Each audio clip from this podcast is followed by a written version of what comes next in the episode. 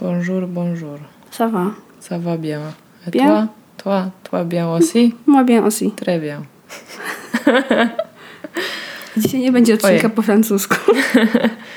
to był mniej więcej koniec moich możliwości. Ja bym jeszcze coś mogła powiedzieć, No to ale już mogła, nie tak. powiem. Możemy zrobić kiedyś takie, że ty będziesz mówiła swoje pół po francusku, a ja moje, wiesz, w całej reszcie języków. No, a po jakiemu na przykład po włosku byś mogła coś No ja mówić? mogła coś powiedzieć po włosku, mogłabym coś poudawać po niemiecku. Ja w wielu językach mogłabym Coś poudawać. po japońsku byś mogła. Coś po japońsku, nawet po hiszpańsku ze dwa zdania bym powiedziała. No, Ja bym coś po czesku mogła poudawać. Dobry den. No i tyle. I to zaczynamy. Trzy lata studiów. A wszystko jak krew w piach.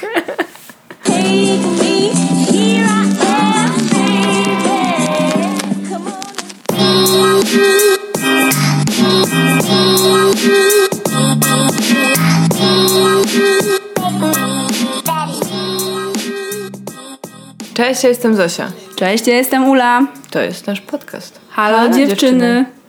Halo. Co tam u ciebie, Ula? No siema. Siedzimy u mnie w domu. Pod Tak. moją piękną nową ścianą.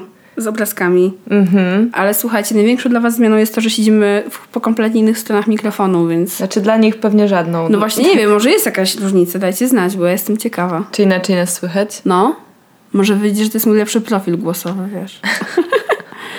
Słuchaj. No, to dzisiaj ja generalnie.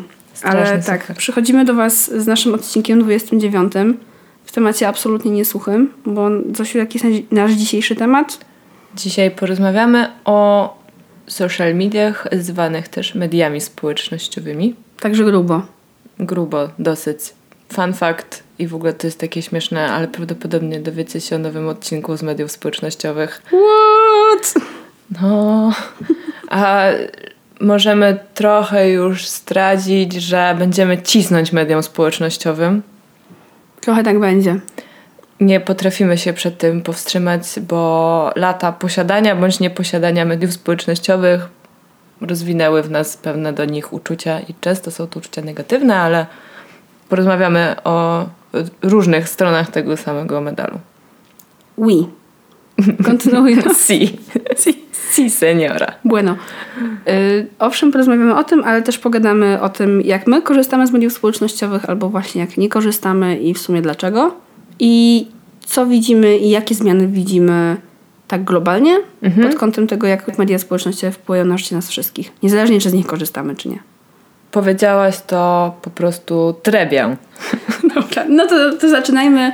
Wpadłyśmy na taki pomysł, żebyśmy troszeczkę tak zaczęły sobie chronologicznie, czyli próbowałyśmy sobie przypomnieć, jakie mamy pierwsze wspomnienia i pierwsze platformy, czy pierwsze media społecznościowe, z jakich korzystałyśmy. Co miałaś pierwsze, Zosiu? Pierwsze miałam grono. Nie wiem w którym wie, e, wieku. Wieku? to, był To, jeszcze, to już był to już był XXI dwudziesty- to już wiek. Był XXI. Nie wiem dokładnie w którym gro, roku powstało grono. Ja na pewno miałam grono już w gimnazjum, czyli musiał być rok 2004-2005. Możliwe, że już w 2003 miałam grono, ale nie przypomnę sobie teraz. Wow, to grono było takie stare?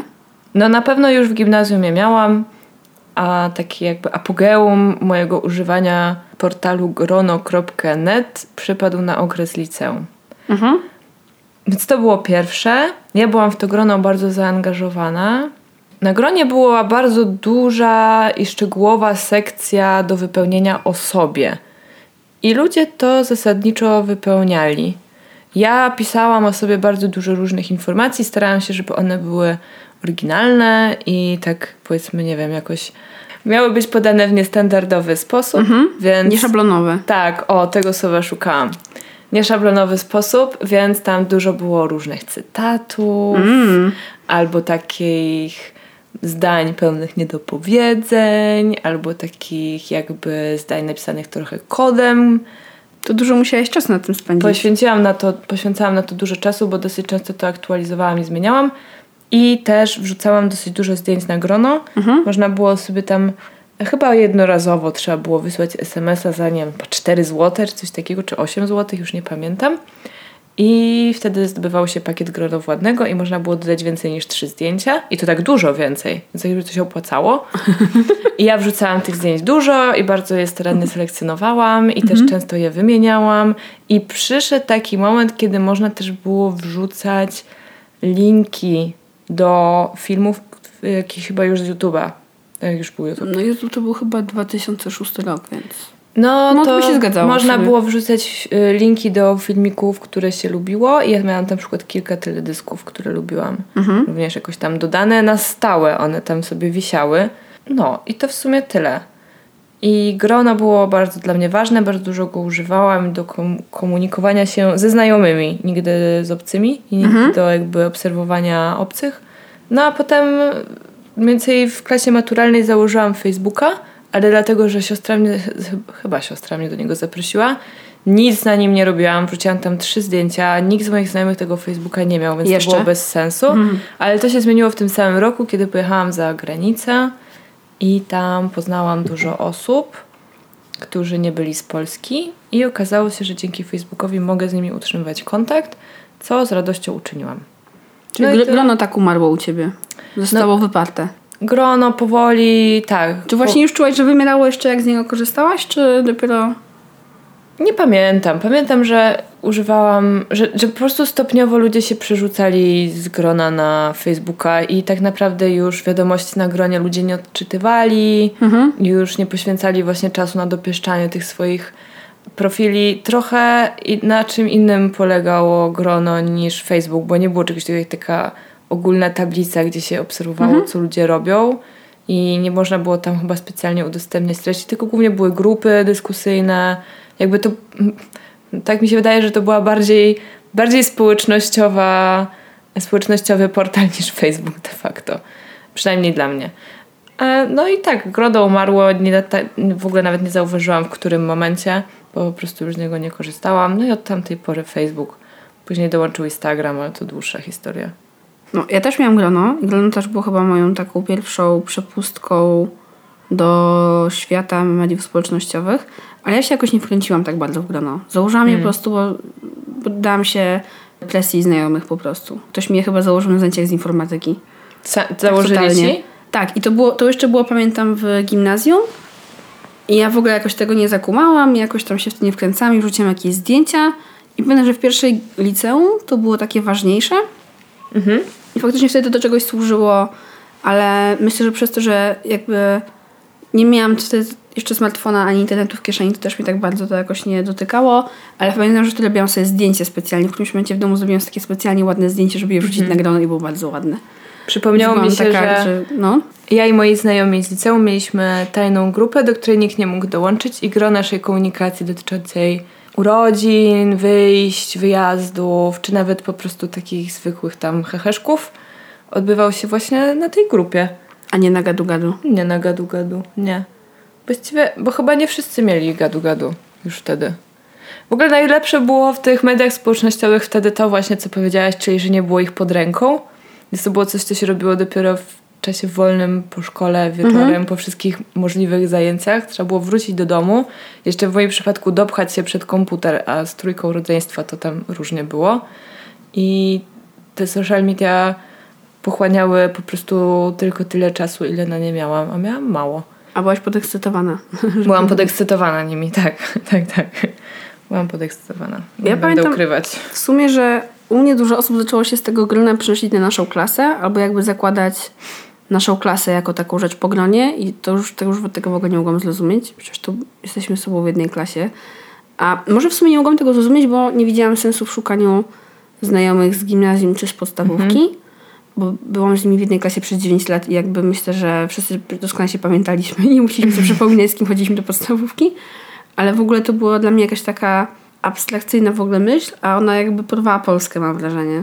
Że to był chyba taki w ogóle serwis, który no dzieci, dorośli, młodzież, starzy, po prostu wszyscy sobie to instalowali. Tak, na krótko. Ja też nie miałam naszej klasy. Moja mama miała naszą klasę. Moja mama wtedy była na etapie odkrywania internetu. I było to bardzo urocze, ponieważ moja mama, jak widziała, że ktoś jakby, że ktoś się zalogował i jest online, uważała, że to jest tak samo, jakby ktoś wszedł do pomieszczenia, więc natychmiast się witała z tą osobą. O! Wysyłała jej bądź jemu wiadomość i było jej przykro, jak jej nie odpisywano. No tak, mogliby tego nie zauważyć. I nie potrafiłam jej wytłumaczyć, że to, że ktoś się zalogował, nie oznacza, że trzeba cokolwiek w ogóle wchodzić z nim w jakąś interakcję. A jej było wstyd, że ta osoba widzi, że ona też jest aktywna i ze sobą nie rozmawiają. No tak dokładnie jakby weszła do jednego pomieszczenia. A jeszcze to jest znajomy, a nie nieznajomy, więc warto i wypadałoby zamienić parę słów. Strasznie to było urocze. Kompletnie dla mnie wtedy, wtedy niezrozumiałe. I nigdy nie miałam naszej klasy. Było tak samo jak ty uważałam, że no jakby kogo mam szukać. No, I do po w co? przyszłości. Dokładnie. Ej, w ogóle mi się przypomniało, że miałam coś, co założyłam sobie przed gronem. Mhm. A nie wiem, na ile to jest w sumie platforma społecznościowa. To się nazywało DeviantArt. DeviantArt. O, no wiem co to jest. I ja na tym dużo, dużo czasu na tym spędzałam, ale mało się tam angażowałam społecznościowo. Mało, mało postowałam jakichś mojej sztuki, czy jakichś takich moich wyrobów, ale mnóstwo spędziłam czasu na followowaniu i obserwowaniu i śledzeniu sztuki i tych publikacji osób, których rzeczy mi się podobały. To głównie były jakieś tam obrazki.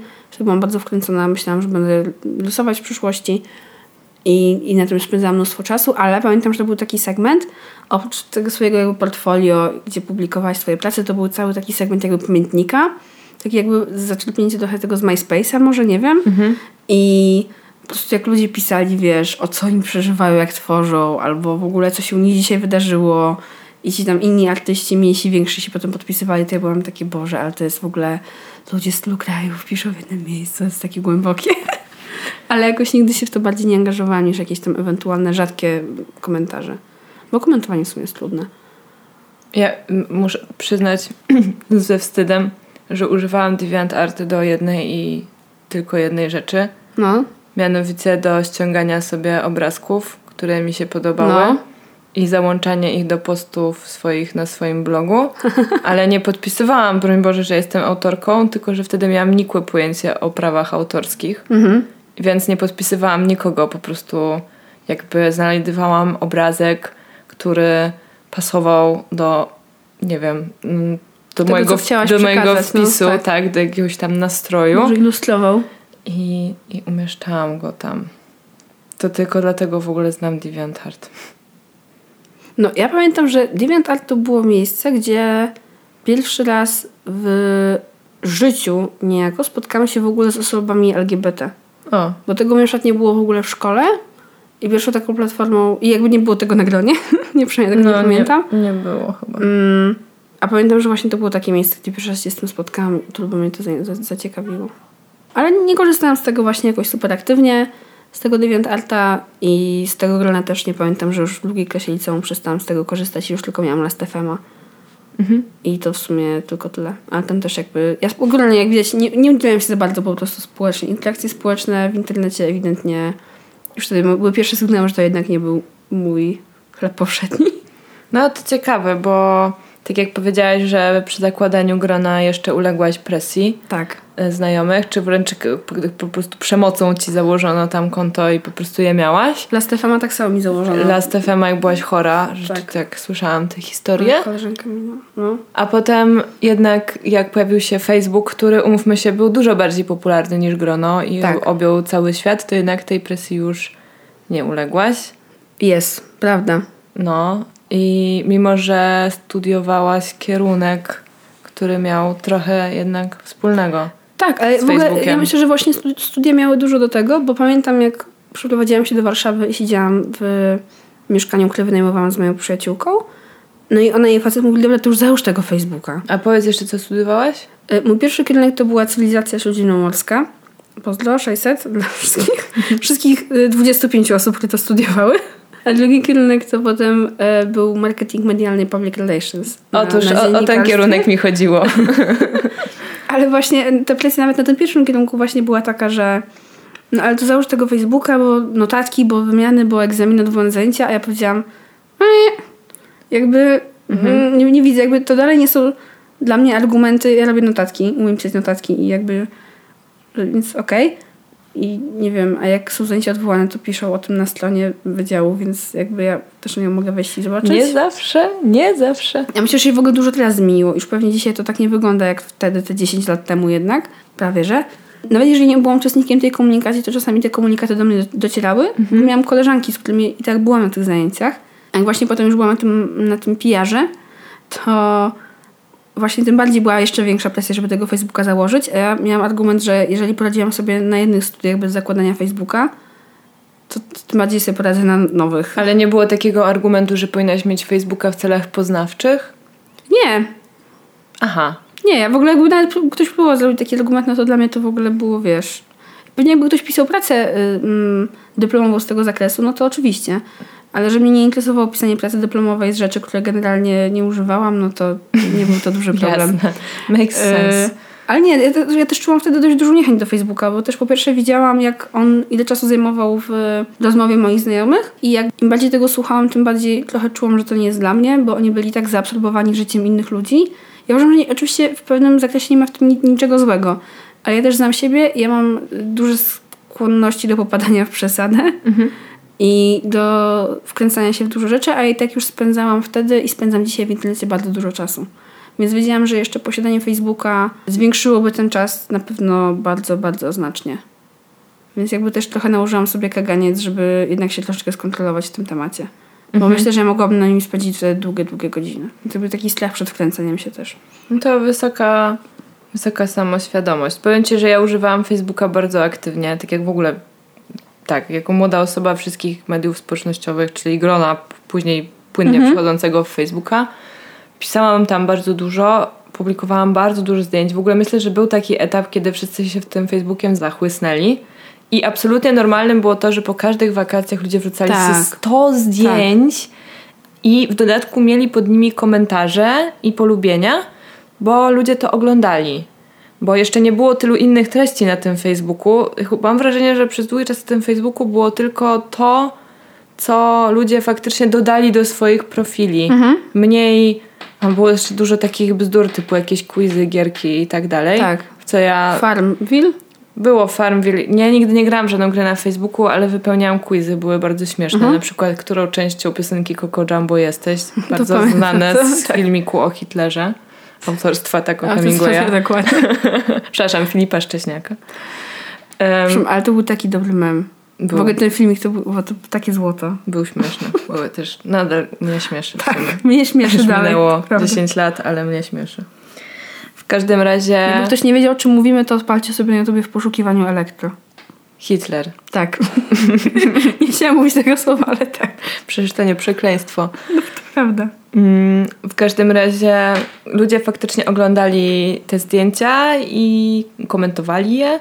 I ja też po każdych wakacjach, czy w ogóle nie tylko po wakacjach, w każdym razie bardzo dużo zdjęć publikowałam.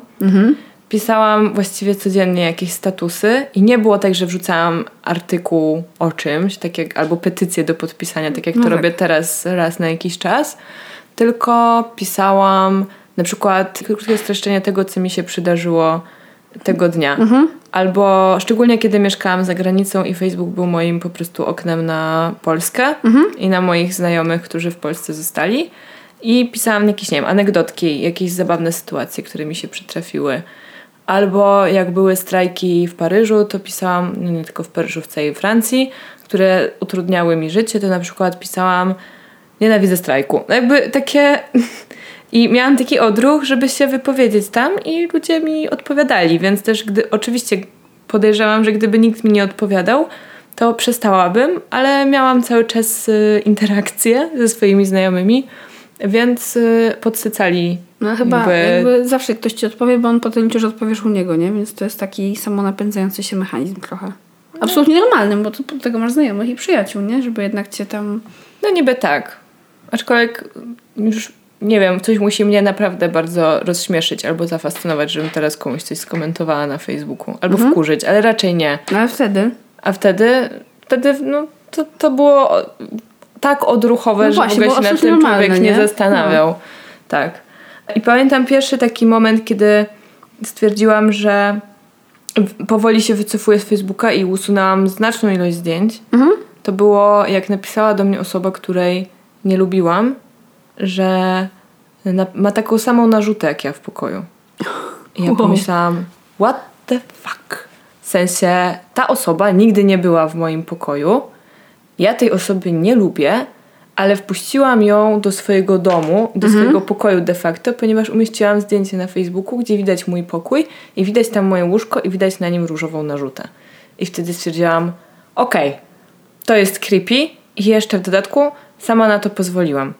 No i wtedy jakby stopniowo zaczęłam się wycofywać z tych aktywności. Miałam jeszcze taki, taki odruch, żeby to robić i zdarza mi się nadal coś publikować na Facebooku, ale żeby wstawić zdjęcie z wyjazdu czy nie wiem, z imprezy, to absolutnie, absolutnie nie.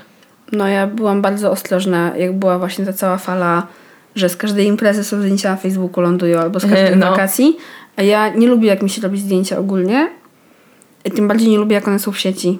Bo ja nie jestem w sieci w taki sposób i nie chcę, żebym... Nie chciałam funkcjonować, więc ja już miałam taki problem, że aż wychodziłam po prostu na jednak pewnie dla niektórych być może dość trudną osobę, bo prosiłam, żeby nie wrzucać zdjęć ze mną po prostu do sieci, że ja sobie tego nie życzę. I że z przyjemnością jak sobie robicie zdjęcie, po prostu stanę gdzieś z boku i w ogóle nie mam z tym problemu.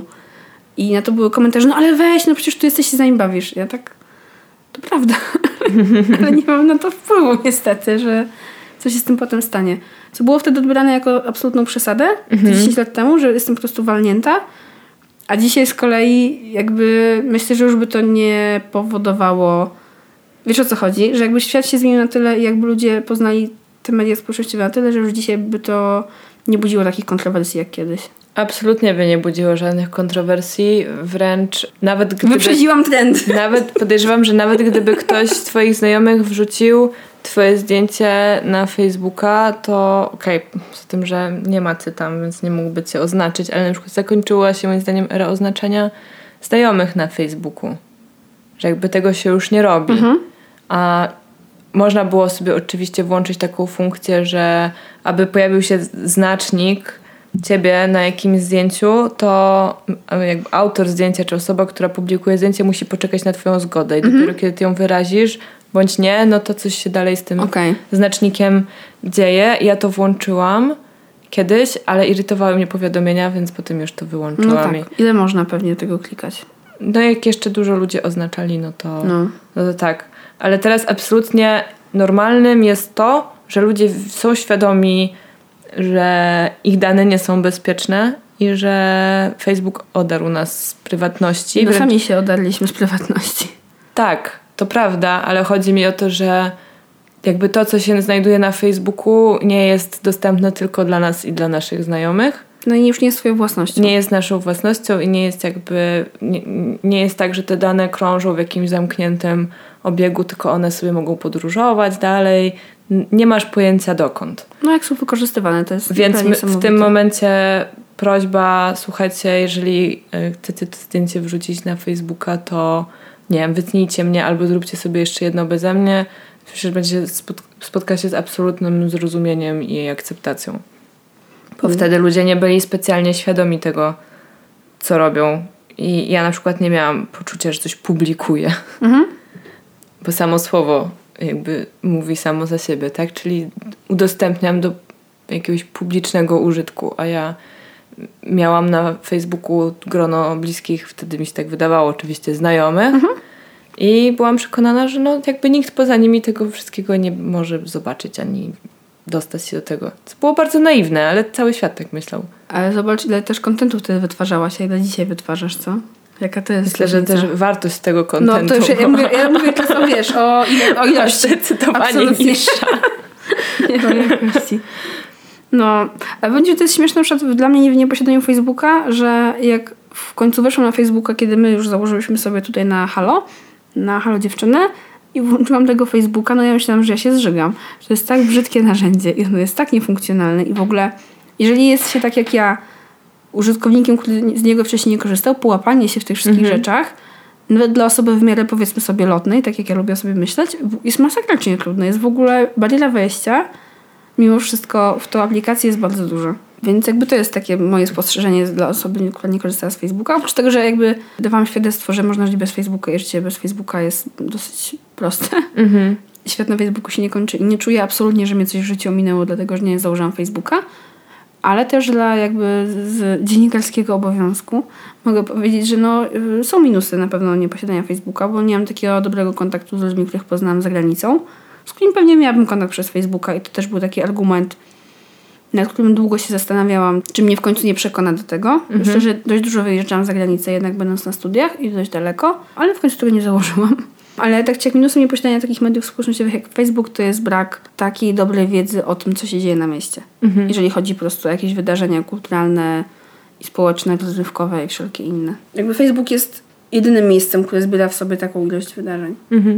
No, zgadzam się z tobą, bo ja y, zabawię się w adwokata diabła i spróbuję pomyśleć nad jakimiś pozytywnymi funkcjami Facebooka.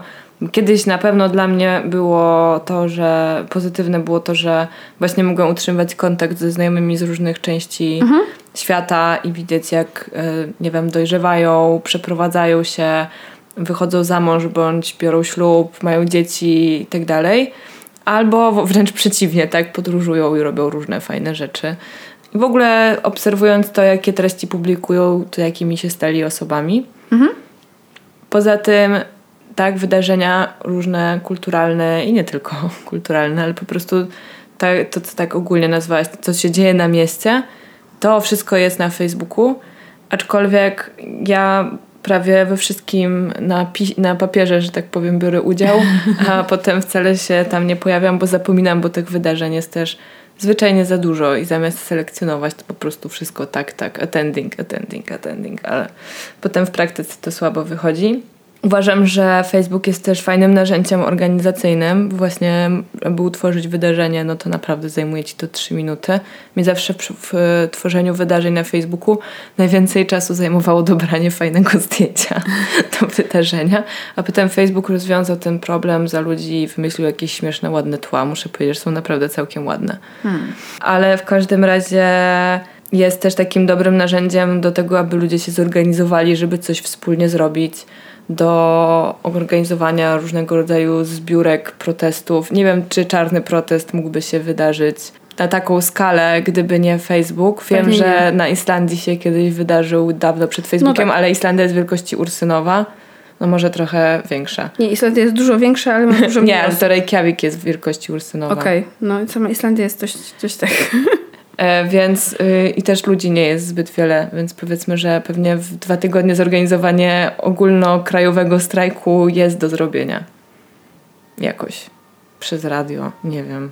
No, telefony E, wtedy e, były. Radio już wtedy jest jakby, jakby istnieje i żyje nadal, mimo że wszyscy dawno mu wróżyli śmierć, ale na pewno nie jest takim narzędziem przekazu już jak media społecznościowe, czy internet w ogóle. No, absolutnie nic nie jest takie jak media społecznościowe. Absolutnie nic takiego nie jest. W każdym razie to uważam, że jest całkiem fajne, bo Facebook dociera też w takie miejsca, gdzie powiedzmy wolność słowa czasem jest. No, nie powiem, że kompletnie zakazana, bo w momencie, kiedy jest kompletnie zakazana, najczęściej do Facebooka obywatele takiego państwa również nie mają za bardzo dostępu, albo w ogóle mają bardzo ograniczony dostęp do internetu. Ale już daleko nie szukając, na przykład na Węgrzech, podejrzewam, że mimo iż państwo tam przyjmuje po kolei wszystkie możliwe media, no to jakby internet ciężko jest przejąć. I ciężko jest w środku Unii Europejskiej jakby ograniczyć ludziom dostęp do internetu i do Facebooka. Więc to jest też takie okno na świat trochę i miejsce, gdzie ludzie mogą wymieniać się i po prostu wiedzą o świecie. Też Śląska Wiosna, nie? Przecież się wydarzyła w głównej Tak. mierze przez y, internet i media społecznościowe. Dokładnie. No. Więc W na, Indiach teraz też przecież by- były same protesty, to tak samo. Właśnie to jest niesamowite, że nie ma tego w mainstreamowych mediach, jakby nie dowiesz się z tego, nie wiem, z CNN-u, czy tam cokolwiek, czy z TVN-u, czy czegokolwiek tam sobie lubisz posłuchać, czy oglądać, ale masz to zobaczyć na Twitterze. Bo ludzie to nagrywają i ludzie to publikują i możesz zobaczyć wydarzenia historyczne z wielu różnych perspektyw. tak, no właśnie, te streamingi, To live. streamingi live. em, Ale z drugiej strony, jak przecież był ten, y, co, kilka tygodni temu ta strzelanina, tak, w Nowej Zelandii. No to był streaming live po prostu brutalnego morderstwa. Który oczywiście tam został w momencie włączony, ale jakby ten, ten, ten y, jakby... Nie wiedziałam o tym, nie, Tak, nie, nie, no. jakby nie dotarła do mnie ta informacja, bo się skupiałam wtedy trochę na Tak, na czymś innym, ale ja w ogóle przez to, że mi się nie chce tego Facebooka już scrollować, jestem na to po prostu za stara i mam za dużo ważniejszych i ciekawszych rzeczy do zrobienia. Nie mam już tyle czasu do marnowania, co kiedyś po prostu, bo większość dnia wypełnia mi praca. Więc tak. Co jest moim zdaniem całkiem zabawne, że obydwie pracujemy z marketingiem, a jesteśmy tak totalnie na bakier z tymi mediami społecznościowymi de facto. No właśnie moim zdaniem to pokazuje, że można, że w ogóle nie musisz... Yy, wszystkim mi się wydaje, że... Bo moim zdaniem ludzie, którzy mi to mówili przez lata, część z nich, bo na pewno nie wszyscy, trochę sobie tak chcieli, wiesz, legi- legitymizować to, że oni spędzają w tym tak dużo czasu. Mm. E, A ja na przykład wcale, nie będąc użytkownikiem mediów społecznościowych, nie kontestuję tego. Jakby ja uważam, że ludzie mogą tego używać, niech tego używają z głową mniej lub bardziej, ale ja nie jestem przeciwna istnieniu mediów społecznościowych. A wydaje mi się, że trochę tak jak z wegetarianizmem. Że ludzie myślą, że nie mięsa, że to jest- atakuje to, że nie jedzą mięso, a to jest ich decyzja, czy oni jedzą mięso, czy nie. Ale akurat w tych dwóch, mimo że to są niby jakby kompletnie różne tematy, to, to jakby traktowanie ludzi było dość podobne. Ja już skończę bronić w ogóle Facebooka, dlatego że nie czuję się z tym też jakoś super dobrze. W sensie wszystkie te rzeczy, o których powiedziałam, są realne, są to naprawdę jakieś korzyści tego narzędzia i sama, sama ich uży- jakby tak korzystam z tych korzyści, bardzo źle to brzmi, ale no, ma to wpływ na moje życie, niekoniecznie negatywny. Natomiast powiedziałam o tym, że można zaobserwować co się dzieje u znajomych, no i tutaj wkraczam po prostu na taką ścieżkę, która mnie doprowadza do szału. Od kiedy się zorientowałam, że tak jest, a już to jakiś czas trwa. Mianowicie, że to, co widzę, to jest tak mikroskopijny ułamek czyjejś rzeczywistości, że daje mi to takie fałszywe właśnie poczucie utrzymania z kimś kontaktu, podczas kiedy nie rozmawiam z kimś przez lata i wydaje mi się, że wiem, co u tej osoby słychać, a tak naprawdę nie wiem nic. Ale wiesz co jadł na śniadanie? Wiem, co jedzą na śniadanie, wiem, gdzie byli na wakacjach, wiem, jak, że zmienili pracę, jakby wszystkie fajne rzeczy, które się w ich życiu wydarzają, ja jestem ich świadoma, ale całego tego jakiegoś bólu życia codziennego tam no, nie, nie zaznasz, bo ludzie tej swojej strony, tej swojej części nie prezentują, chcą zaprezentować to, co jest najlepsze. Więc każdego tak naprawdę postać w social mediach jest w jakiś sposób skażona fałszem. Jest personą, no po prostu. Jest personą, tak, jest personą, jest y, kimś wymyślonym i cieszę się, że ty i ja dorastałyśmy w czasach, kiedy nie trzeba było mieć tej persony Ja bym się... i nie miałyśmy tego narzędzia właśnie w kieszeni, w telefonie, które by nam na każdym kroku tylko pod- przypominało, jak wyglądają inni, jak mają inni, co robią teraz inni i jak bardzo należy do tego dążyć i aspirować, bo wiem, że jako bardzo młoda osoba nie byłabym w stanie od, oddzielić tego fałszu od rzeczywistości. Ja jestem pewna, że też nie byłabym w stanie tego oddzielić i mm, jestem pewna, że wjechałoby mi to na baniak absolutnie. Podkopałoby to moje poczucie własnej wartości i w ogóle zadowolenie z siebie.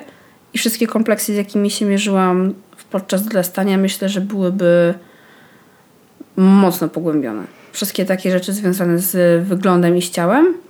Kolej tak jakby ja już miałam jakieś przez konsumpcję zwykłych mediów typu prasę, telewizję i nie wiem, jakieś tam tego typu rzeczy, to myślę, że jeszcze przez takiego Instagrama, gdybym go miała w kieszeni i bym go codziennie po prostu scrollowała. A, a wtedy pewnie już by mi wystarczyło, wiesz, taki właśnie samozaparcie, żeby odmawiać ludziom, bo wtedy cała klasa to ma, więc ja też bym to miała w podstawówce czy w gimnazjum. Boże, w podstawówce. W podstawówce. Media społecznościowe. No. No dobra, bo w, Znaczy, ja jestem pewna, że moje życie byłoby gorsze wtedy w pewien sposób, chociaż może to demonizuje, ale mam wrażenie, że, że takie media społecznościowe, jakie ja dzisiaj obserwuję, dla osób, które dorastają, muszą być naprawdę bardzo ciężkie. muszą być straszne. Wyobraź sobie, że masz 12 lat i obserwujesz, dajmy na to 15-letnią bądź 16-letnią modelkę instagramową, bo są takie osoby. I myślisz sobie, że różnica wieku między wami jest niewielka i za parę lat to musisz być ty. Nie to możesz być ty. Po, ty powinnaś tak wyglądać. Tak samo jak ja uważałam kiedyś, że w wieku tam, nie wiem, 25 lat już powinnam wyjść za mąż. Bo tak generalnie robili ludzie kiedyś i tak zawsze słyszałam, że robią to tak samo taka młoda osoba ma poczucie, że jest jakiś cel, do którego musi dążyć, a często ten cel jest totalnie poza Twoimi możliwościami. Tak jak wyglądają te osoby, wygląda po prostu prawie zero ludzi na tym świecie. To nie są prawdziwe No, zdjęcia ale głównie jeszcze tego wszystkiego. ludzi, którzy wygrali genetyczną ruletkę. Tak, tak jest. Dokładnie tak. I nie mówiąc o ruletkę w każdych innych rzeczach, typu bogaci rodzice, otoczenie, cokolwiek, tak? Jakby wszy- wszystko, czego ty już nie masz na starcie, no to po prostu widzisz to i to konsumujesz codziennie. Ale przypomniał mi się film, który widziałam ostatnio, który bardzo mi się spodobał. Film nazywa się Eighth Grade, ósma klasa. Nie wszedł niestety w Polsce do kin, a moim zdaniem jest to duża szkoda, bo film jest prześmieszny, ale też jest dobry i właśnie ma E, Jakby polega na tym, że jest nastolatka właśnie, która ma media społecznościowe, jest pokazane jakby jej taki ostatni rok w szkole, zanim pójdzie do y, liceum. I Jest bardzo fajnie pokazane jakby jak ona i znajomi z tego korzystają. A i tak już wiesz, może to jest film z zeszłego roku, to słyszysz jak już się zestarzał. Czego To- jakby to nie, fajne. nie unikniesz niestety w tym. I też jakby robił to reżyser, który jest z naszego rocznika. Mm, Człowiek, który nazywa się Bill Burnham, jest komikiem generalnie, takim stand-uperem, ale w bardzo takim ciekawym, artystycznym stylu. I jakby polecam, wydaje mi się, ten film wszystkim takim dorosłym albo ludziom w naszym wieku, albo starszym, którzy właśnie chcą trochę zobaczyć, jak to jest. I ta wizja, czy jakby ten, wiesz, kawałek życia, jaki widzimy tej głównej bohaterki, no nie jest do końca optymistyczny zdecydowanie, żeby wam nie mówić więcej.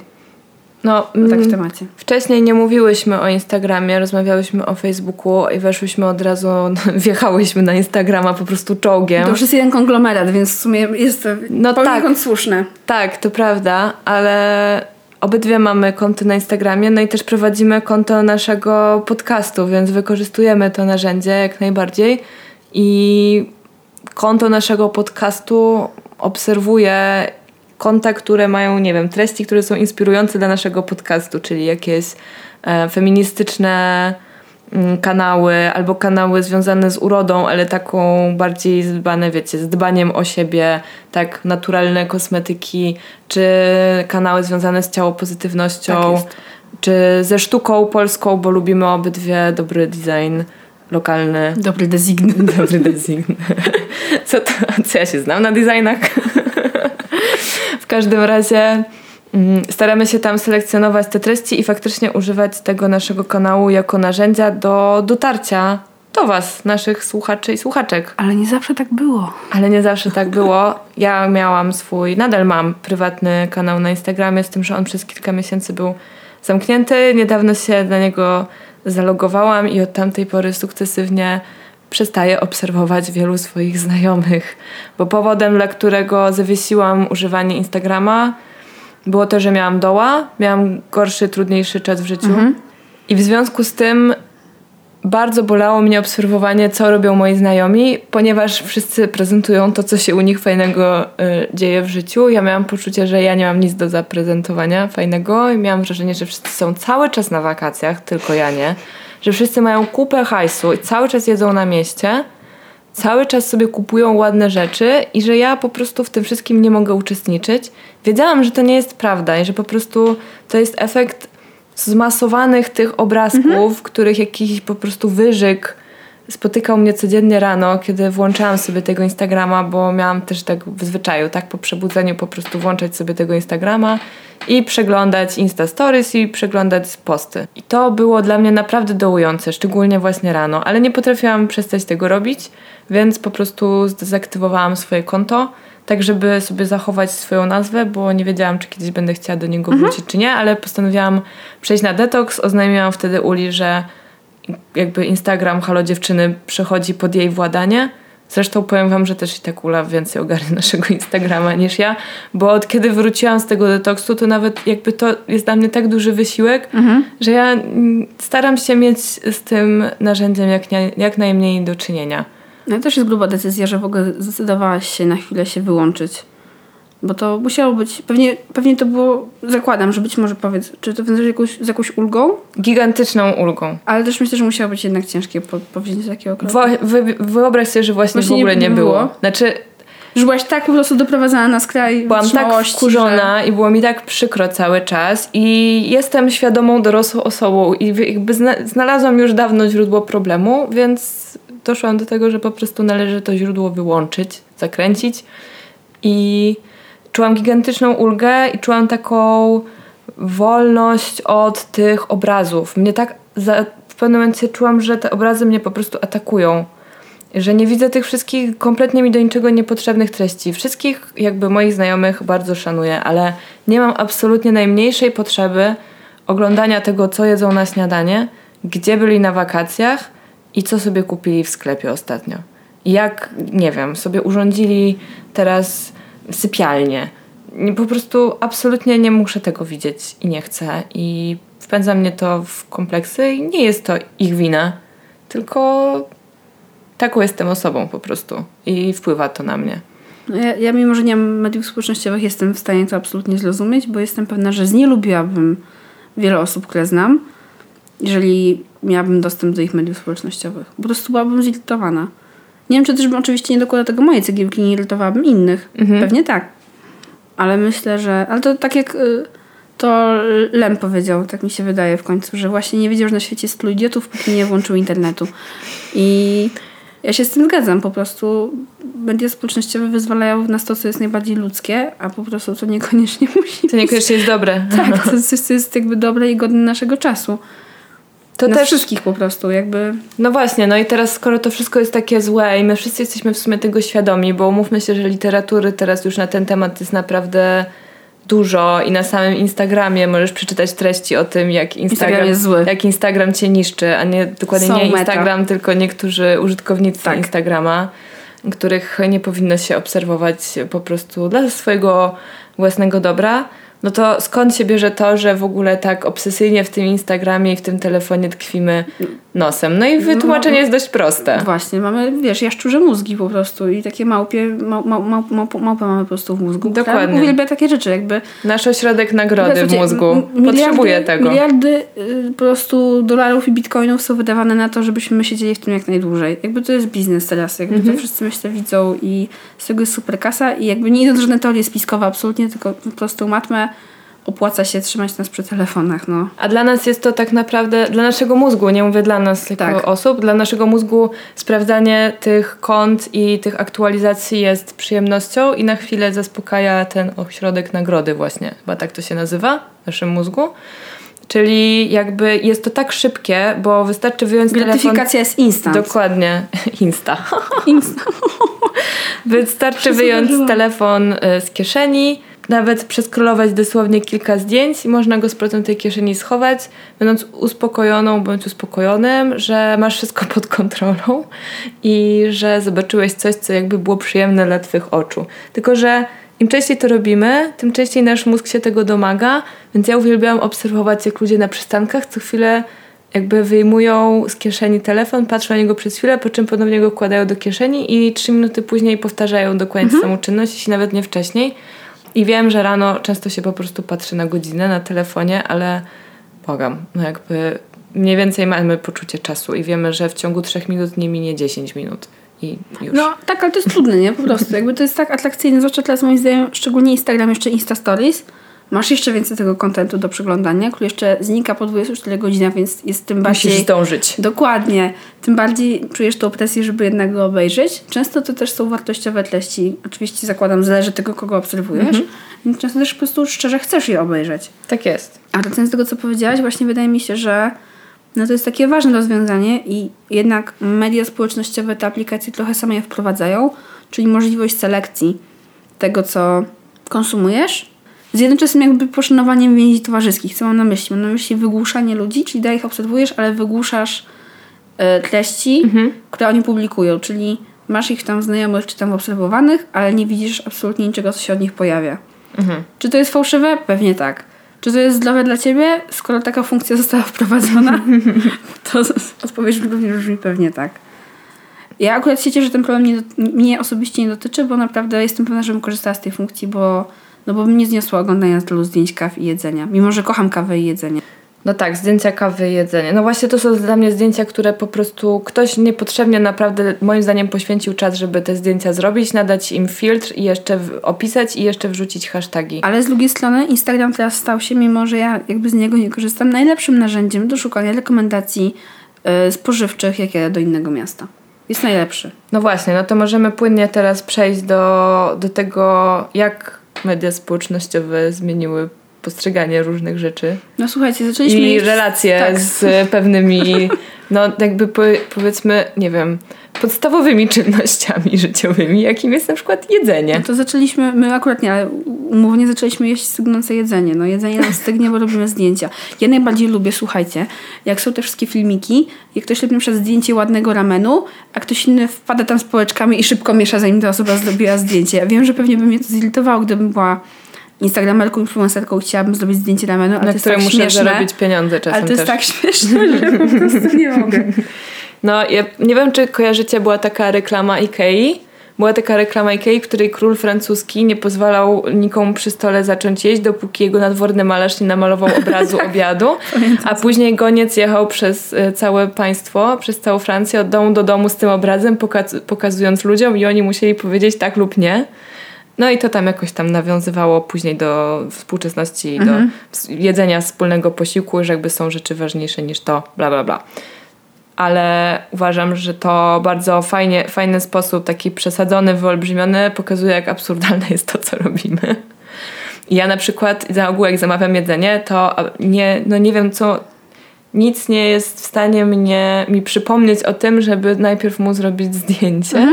I zawsze, nie zawsze, ale zdarza mi się tak, że jakby już coś zaczęłam jeść albo zjem, potem sobie myślę, no, już nie byłoby z tego posta na Facebooka. Bo już jakby połowy tego pięknego No ciastka tak. nie ma. Ono naprawdę było imponujące, nie wiem, obsypane kwiatuszkami i jakimś tam, nie wiem, konfetti, a ja po prostu sprofanowałam to dzieło sztuki. Z nikim się tym nie podzieliłam. Ja na przykład robię często zdjęcia jedzenia, ale głównie dlatego, żeby wysłać je mojej przyjaciółce i zobaczyć, patrz co źle. W sensie, żeby wzbudzić zazdrość tego, że ona w tym momencie nie je tego dobrego żarcia. No Bo okej, mieszka no. za granicą, już nie ma dostępu do tych wszystkich frykasów, do których ja mam dostęp. Wysyłasz to, wiesz, wysyłasz to przyjaciółce w prywatnej wiadomości, a nie informujesz o tym. No ale robię zdjęcie, wiesz o co chodzi? Jakby, Wszystkich. To prawda, ale robiąc zdjęcie jedzenia spotykam się ze spojrzeniami innych ludzi. Na To przykład. prawda. A oni nie Ale wiedzą, to- czemu ja to robię. No ale to już jest ich problem, że Ale oni tak, tego nie wiedzą. To, to jest na pewno globalna zmiana, podejście do jedzenia. I wydaje mi się, że teraz już robienie, z, jedze, robienie zdjęć przy jedzeniu jest absolutnie normalne. No, Niestety dalej trzymanie telefonu jest przy jedzeniu jest absolutnie normalne. Ja się na przykład staram jedząc ze znajomymi, a jem dość często, nie używać telefonu, chyba że faktycznie bardzo już muszę. mhm. Ale staram się jednak to odłożyć i, czekać aż ta, pierwsza, aż ta druga pierwsza wyjmie. Jak już coś. No ale to jest na pewno taka zmiana, która jest dosyć, dosyć globalna. Ja myślę, że też ym, social media wpłynęły na sposób, w jaki ludzie trenują różne rzeczy.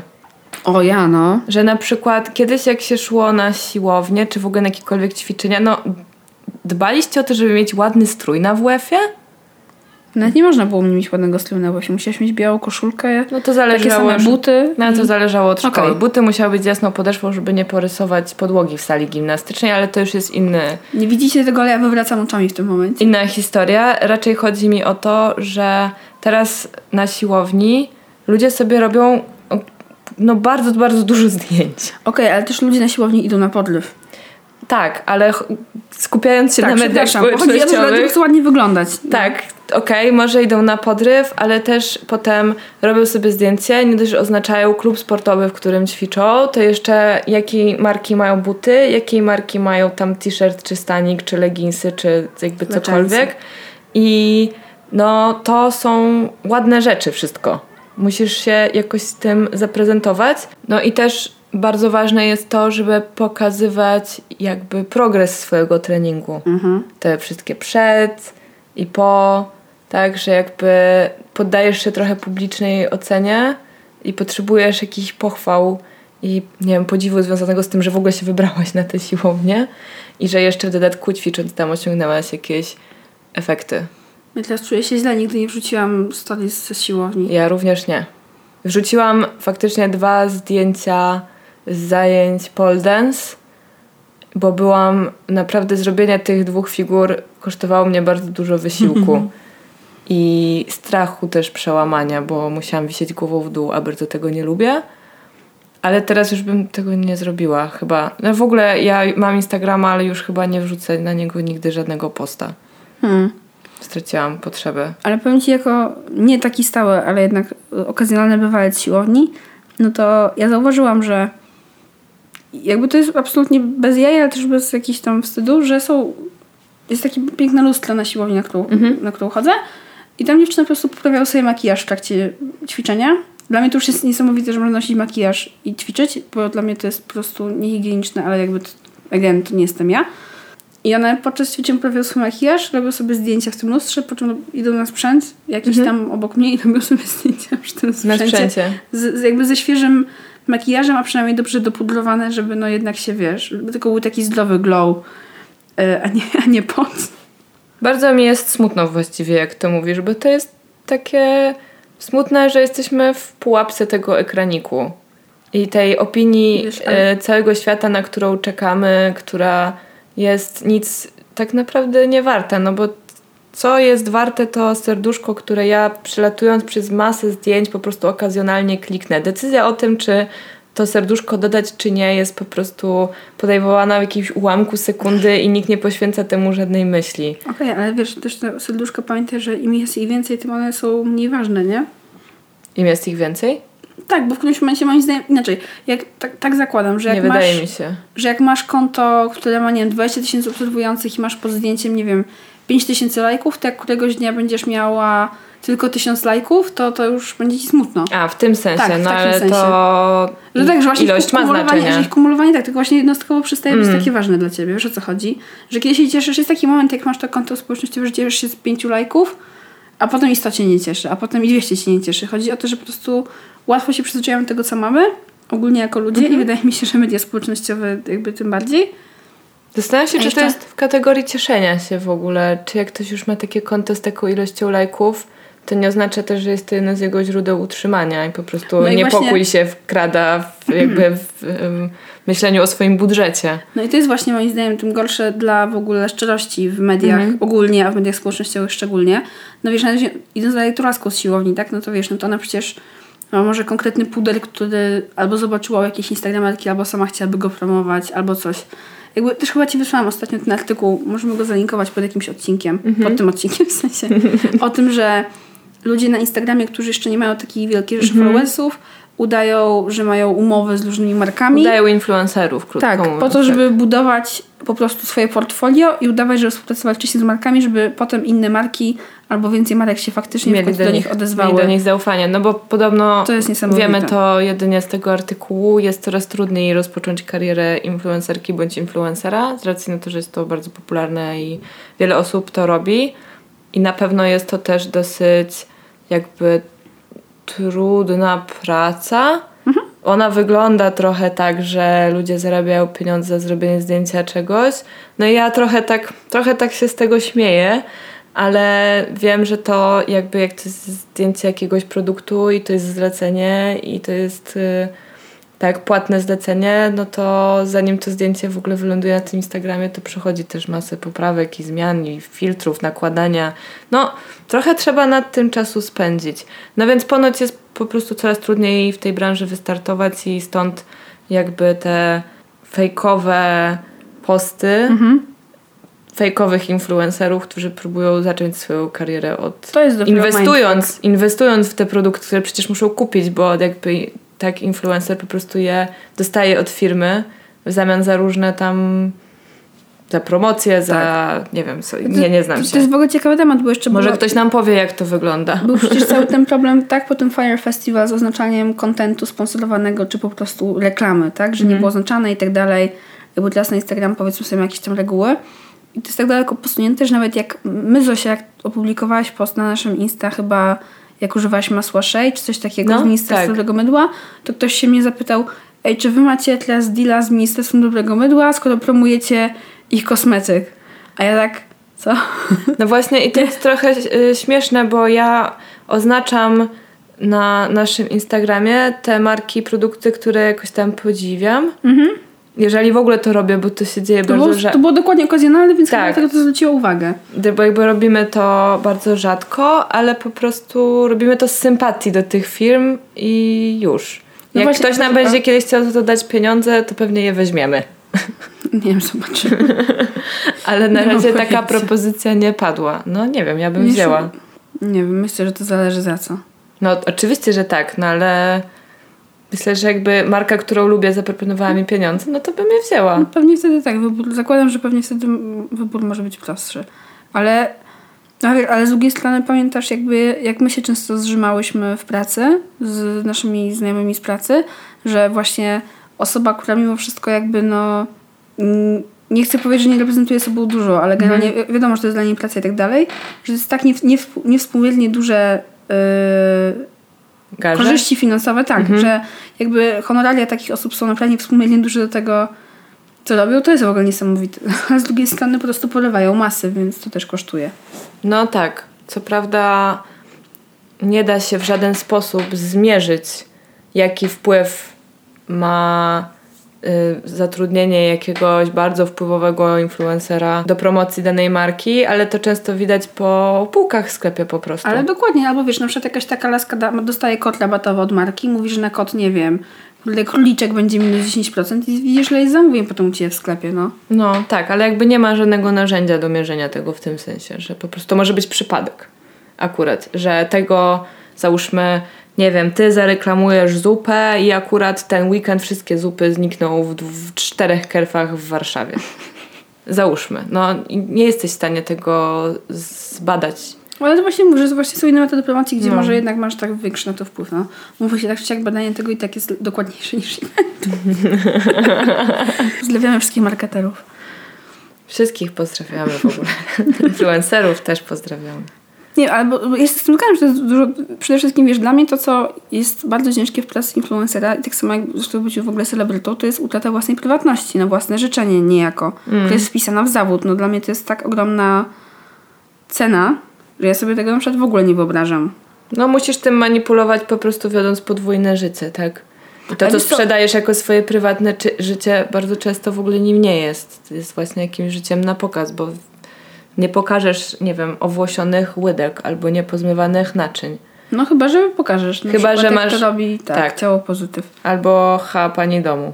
Tak, albo, albo dokładnie. Ale to są, Vanilla bardzo, Costis. to są bardzo rzadkie jakby sytuacje. To są konta, które powstały właśnie na fali sprzeciwu i pewnie same nawet się nie spodziewały, że zostaną influencerami. To było po prostu, wydaje mi się przynajmniej, tak to widzę, że to było szczere i Wiecie, ze złości na coś, jakby w kontrze. Od, od pani domu już była jakby znana powiedzmy wcześniej z blogosfery, bo ona miała Mhm. super bloga, którego przez wiele lat prowadziła i w ogóle jest PR-owcem chyba z zawodu.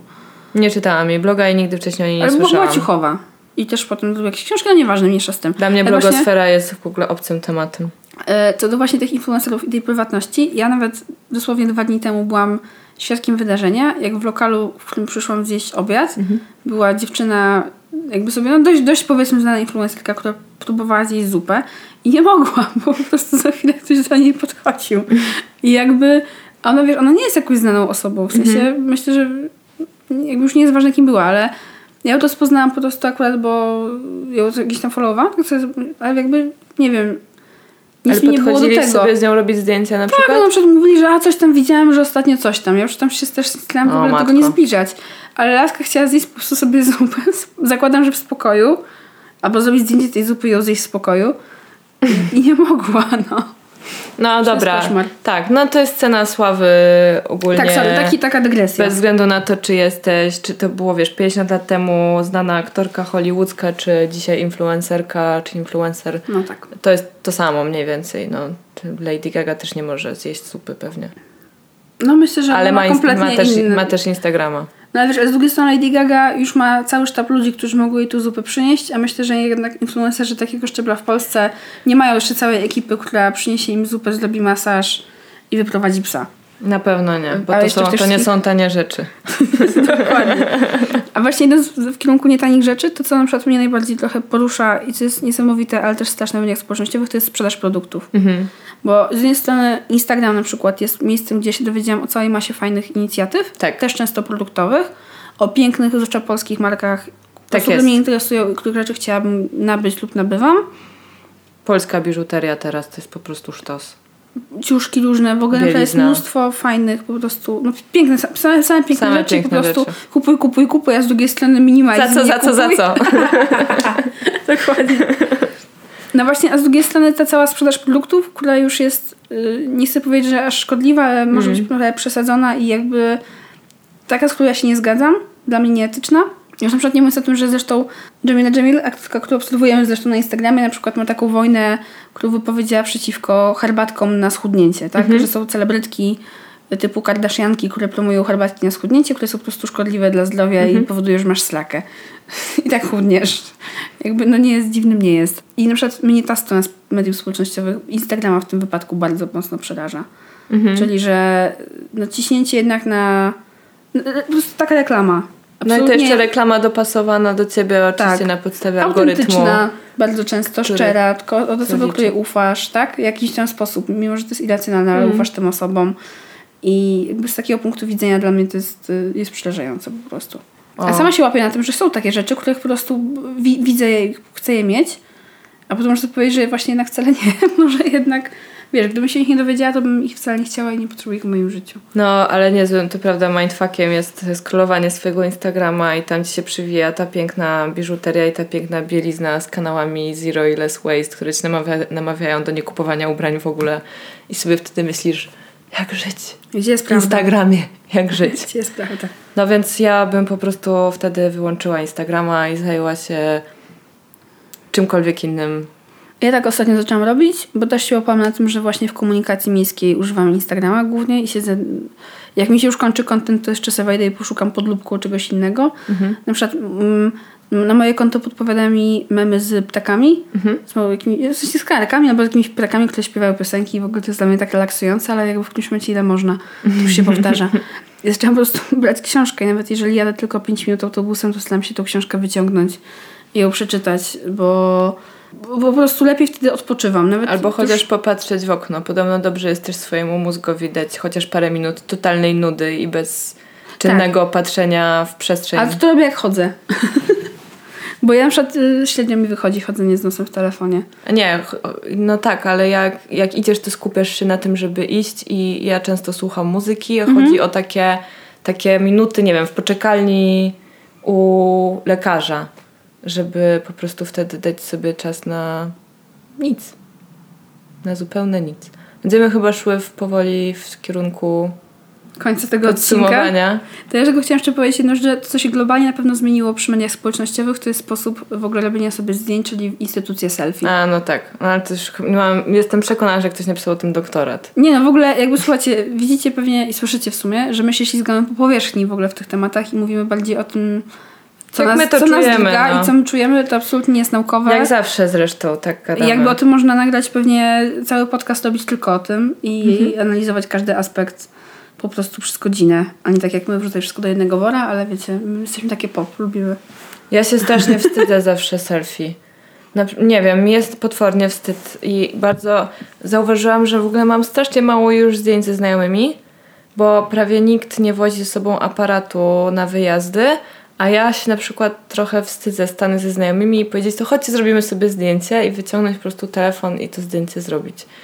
I możliwe, że niepotrzebnie się przejmuję, bo przecież cały świat to robił, ale ja jakoś wstydzę się. Jak robiłam sobie zdjęcie na naszego Instagrama, to też się trochę wstydziłam, ale myślałam wtedy o tym, że O, do, o dobro naszego Instagrama. o dobro naszego podcastu. Instagrama mam gdzieś. Celu święca ślad. Ważne jest, e, nie no, Instagram jest dla nas ważny o tyle, że możemy się, że, że tam najchętniej się z nami komunikujecie i dla nas też to jest jakby takie najfajniejsze i najprostsze narzędzie do rozmowy z wami. Tak, no jest skuteczne, bo po prostu polecacie nas Bo używacie ludziom. go. Dokładnie. I dzięki temu trafia do nas więcej słuchaczy i słuchaczek. Tak jest. Prosta sprawa, nie? No. Ale selfie w ogóle jest y, niebezpieczne i nawet y, zaczęły powstawać różne kampanie społeczne, które ostrzegają na przykład przed kieszonkowcami, którzy wykorzystują turystów robiących sobie selfie i po prostu Hyc. zrywają z nich torebki, plecaki, albo nawet totalnie na spokojnie wyciągają portfele z kieszeni i ludzie po prostu nie zauważają, albo nawet po prostu już przypadki śmiertelne, kiedy ktoś, nie wiem, wpada pod samochód, bądź spada w przepaść. Będzie to, było- to było jak było Pokémon Go chyba dwa lata temu, że jakieś tam dzieci wpadły pod samochód albo ktoś się No. utopił z z mostu, bo Koszmar. to był wciągnięty w telefon. No ale to w ogóle była jeszcze gra terenowa. No tak, ale myślę, że to samo się, To wiesz... jest to samo, znaczy jakby nie, to, tak. nie ma to znaczenia. Jak w coś się wkręcisz, to nie patrzysz gdzie A to idziesz. trzeba myśleć o tych wszystkich aplikacjach służących do y, tuningu swoich selfie. Wszystkie takie facetuny i tak dalej. Ostatnio słyszałam o tym, że było jakieś tam badanie, że dali ilość tam kobietom Instagrama i właśnie te aplikacje do, do tuningowania swoich zdjęć i jakby da, miały sobie zrobić zdjęcie i jakby wykorzystując te aplikacje sobie trochę je przerobić i wyszły z tego kobiety klony. Mhm. Wszystkie tak samo wyglądały? miały bardzo, dosłownie były, wiesz, trzy Simsy po prostu do wyboru. wow. Po iluś tam dziesięciu czy setkach kobiet, że widać było, że po prostu tak promujemy teraz bardzo specyficzne, głównie przez Instagrama, wzorce wyglądu, że mając taką możliwość, chcielibyśmy wyglądać tak samo. Dramat. No, mindfuck to jest, jest niezły. Ale tak, dopływajmy do brzegu, bo jak widzicie, właśnie tematy wcale nam się nie kończą. Tematy nam się nie zakresie. kończą i mam wrażenie, że jest w nas coraz więcej jadu. Więc możemy, możemy tak krótko podsumować to, o czym gadałyśmy, a właściwie można nie podsumować, tylko powiedzieć takich parę rzeczy od siebie, No. które my uważamy, że warto wprowadzić w swoje życie.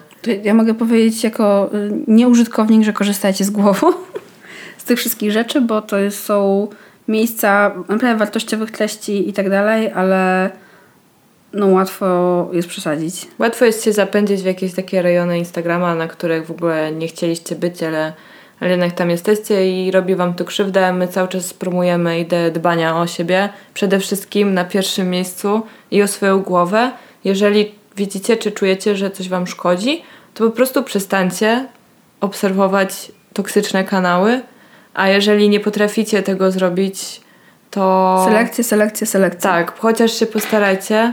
Oczywiście, jeżeli już w ogóle Was to przytłacza, tak jak mnie przytłoczyło, naprawdę polecam odcięcie się na jakiś czas od tych mediów społecznościowych, które Was najbardziej jakoś tam pochłaniają. Zobaczycie, że absolutnie nic Was nie ominie. Mhm. Absolutnie, absolutnie nic, nic się nie stanie, świat się nie zawali. Nie stracicie przyjaciół, jeżeli ci przyjaciele, których macie, są nimi naprawdę. Nawet będziecie się cieszyć, jak będziecie ich widywać na ulicy, bo będziecie szczerze zainteresowani tym, co u nich Dokładnie, słychać. będą mogli wam opowiedzieć, gdzie byli na wakacjach i co robili. No. A wy nie odpowiecie, a widziałam na Insta. no i chroncie swoją prywatność też. Tak, I bardzo. prywatność swoich dzieci. Uważajcie na to. No, dla mnie to jest też niezły, niezła jazda, że dzieci są tak bardzo na Instagramie i no nie wiem, ja bym się wahała. Ja bym nie chciała, żeby moja mama wrzucała ze mną zdjęcia, kiedy... Nie masz na to wpływu też. No tak. Na szczęście nie mogła. No tak, nasi rodzi- rodzice nie mogli tego Nie mieli robić. tych dylematów. Znaczy dla mnie też jest po prostu niezłą jazdą, jazdą to jak dzieci mają już y, konta na kanałach społecznościowych i tam sobie tym zarządzają, może jakoś pod kuratelą rodziców, ale jednak Szczerze. ciężko Czy jest. Wierzysz w to? No, nie wiem, nie mam dziecka siedmioletniego ani w ogóle żadnego. Ja myślę, że kura- kuratela rodziców jest ciężka. Ciężko mi jest Ciężko jest to wdrożyć mimo wszystko. powiedzieć to, jak, jak to tak naprawdę No tak, tutaj się nie mam co wygląda. No i tak, social media nie znikną. Po, nie ma takiej możliwości. To już za daleko zaszło. Nie wiem, jaki może internet musiałby się skończyć, ale Zagłada. wtedy świat się skończy. Więc ponieważ one są, a jest coraz więcej źródeł na temat tego, co mogą ci zrobić wam, zrobić z głową i, i jak zniszczyć wasze zdrowie psychiczne, w rezultacie też fizyczne, no to po prostu róbcie z nimi takie rzeczy, które nie zrobią wam krzywdy. No jelo. Generalnie dbajcie o siebie i o swoje baniaki. Tak. Pozdro. No to my już tyle na dzisiaj. To my tyle na dzisiaj, ale jak macie jakieś przemyślenia po tym odcinku, to zapraszamy do dzielenia się tymi przemyśleniami z nami. Tak. Na przykład pod naszym adresem mailowym Halo dziewczyny małpa.gmail.com albo na mediach społecznościowych. E, Facebook, Instagram. Będzie nam bardzo miło, jeżeli po przesłuchaniu tego odcinka zostawicie nam gdzieś miłą recenzję albo pięć gwiazdek w serwisach z podcastowych różnych, typu tam Apple Podcast czy cokolwiek. Albo jak na przykład zlepostujecie ten odcinek na Insta Stories, nie? To jest takie śmieszne To jest- teraz to mówić. Absolutnie, absolutnie jesteśmy Przewrotne. wiarygodne. Tak, bardzo jesteśmy wiarygodne. Mamy Ale jeszcze... uważamy, że jakby dajemy takie treści właśnie, które są na tyle ciekawe i na tyle wartościowe, że warto jest je polecać. Więc mówię to absolutnie bez ściemy i bez wstydu Zosia. Tak, no i też przyzna, przyznajmy się jednak do tego, że wcale nie postujemy jakoś bardzo często. Bo, No bo nam się trochę nie chce i właśnie nie jesteśmy przyzwyczajone do używania tego jakby jako narzędzia pracy. Więc nadal się uczymy. Możliwe, że nigdy nie dojdziemy do tej częstotliwości, którą sobie kiedyś Ale założyłyśmy. czy musimy? właśnie nie wiem, czy chyba nie musimy. No i mamy jeszcze takie, pewnie jak słyszycie już, słyszeliście już, to nie nagrywałyśmy dzisiaj w studiu, tylko w mieszkaniu Uli. Stąd bardzo dużo różnych hałasów. Wytniemy, co się będzie dało, a co się nie będzie dało, to usłyszycie. Także dzięki za wyrozumiałość z góry.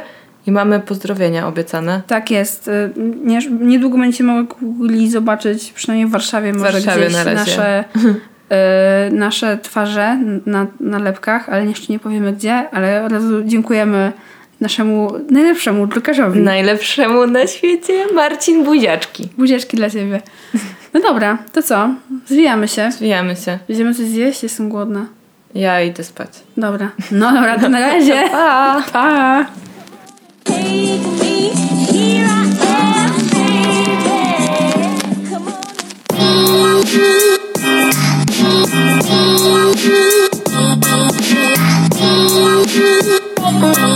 Daddy.